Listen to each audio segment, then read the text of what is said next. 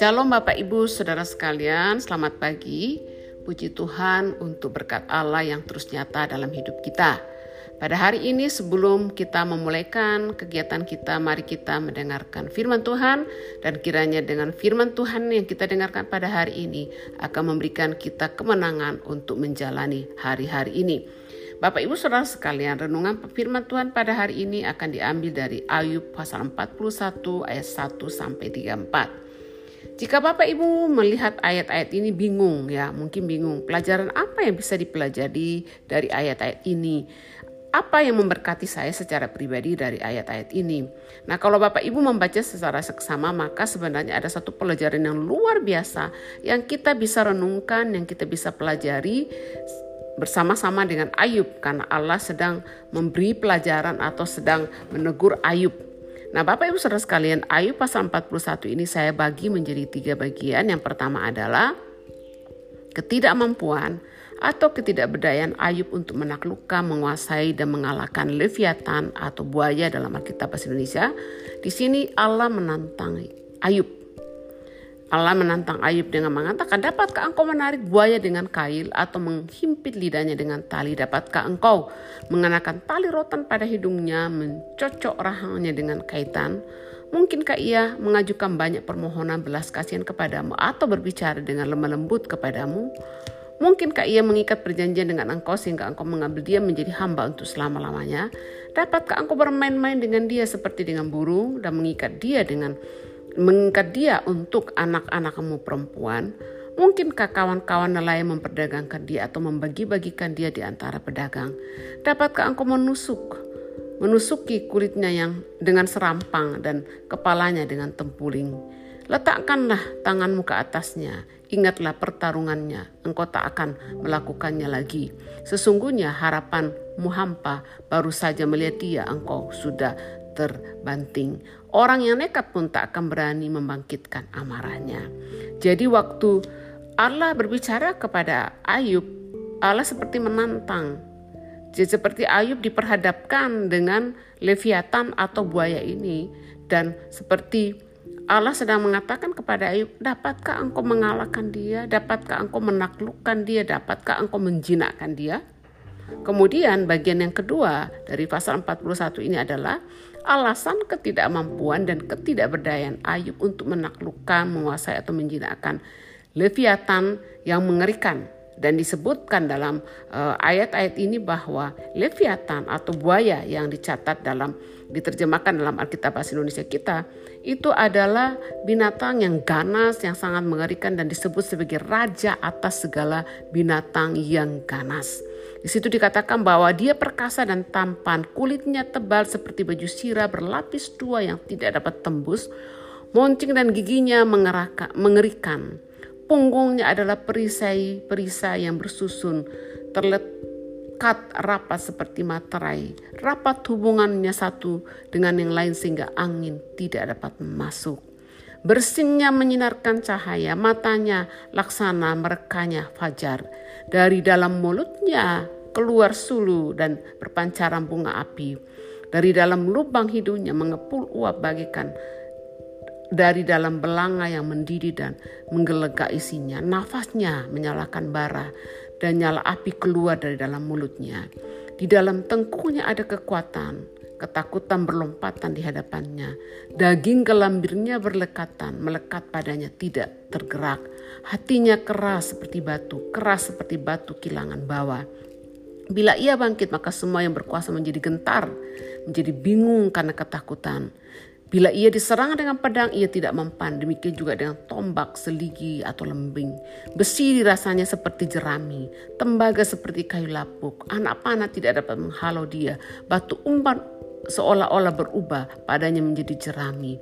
Gada dianggapnya jerami dan ia menertawakan desingan lembing.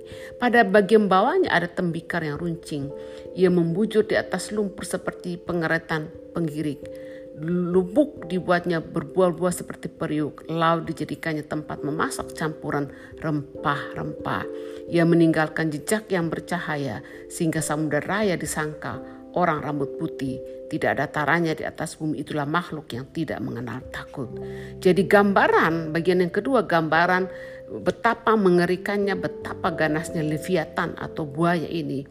Itu menjadi alasan mengapa Allah menantang Ayub seperti memaparkan ketidakmampuan dan ketidakberdayaan Ayub untuk menghadapi, mengalahkan atau menjinakkan eh, Leviathan ini atau buaya. Kemudian bagian yang ketiga dari pasal 41 ini adalah bagian yang sangat penting karena deskripsi tentang Leviathan yang mengerikan dan ketidakmampuan Ayub untuk mengalahkan, menaklukkan dan menjinakkan Leviathan adalah untuk meyakinkan Ayub tentang kelemahannya dan ketidakberdayaannya ketika berhadapan dengan kemahakuasaan Allah, otoritasnya dan murkanya yang mengerikan. Kemudian, jika jadi kalau tadi Allah mengatakan seperti e, menaruh Ayub berhadapan berhadapan dengan Leviathan atau buaya dan ayo kamu lihat apakah binatang apakah Leviathan ini? Binatang apakah? Apa betapa mengerikannya dengan gambaran-gambaran tentang Leviathan dan seperti Allah mengatakan, ayo Ayub lawan dia, kalahkan dia, jinakkan dia, mampu tidak kamu? Kemudian setelah itu, Ayub kemudian seperti disuruh, ayo berbalik, sekarang kamu menghadap saya, kamu menantang saya. Jadi kalau Leviathan aja atau buaya itu kamu nggak kamu mungkin mampu mengalahkannya, kamu nggak kamu mungkin mampu menjinakkannya. Dan sekarang engkau berhadapan dengan aku. Jadi waktu seperti Tuhan mengatakan sekarang, tadinya di, dia Ayub ini suruh berhadapan dengan Leviathan atau buaya, kemudian sekarang Allah mengatakan, ayo sekarang engkau menghadap aku. Lihat siapakah aku, lihat kemahakuasaanku, lihat otoritasku, dan apakah engkau dapat melawan aku.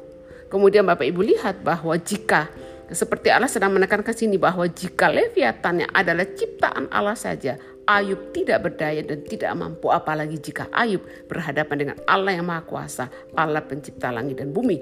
Dan dalam ayat 10 ada selingan. Di situ Bapak Ibu ayat 10 dan 11 seperti ditaruh di tengah-tengah.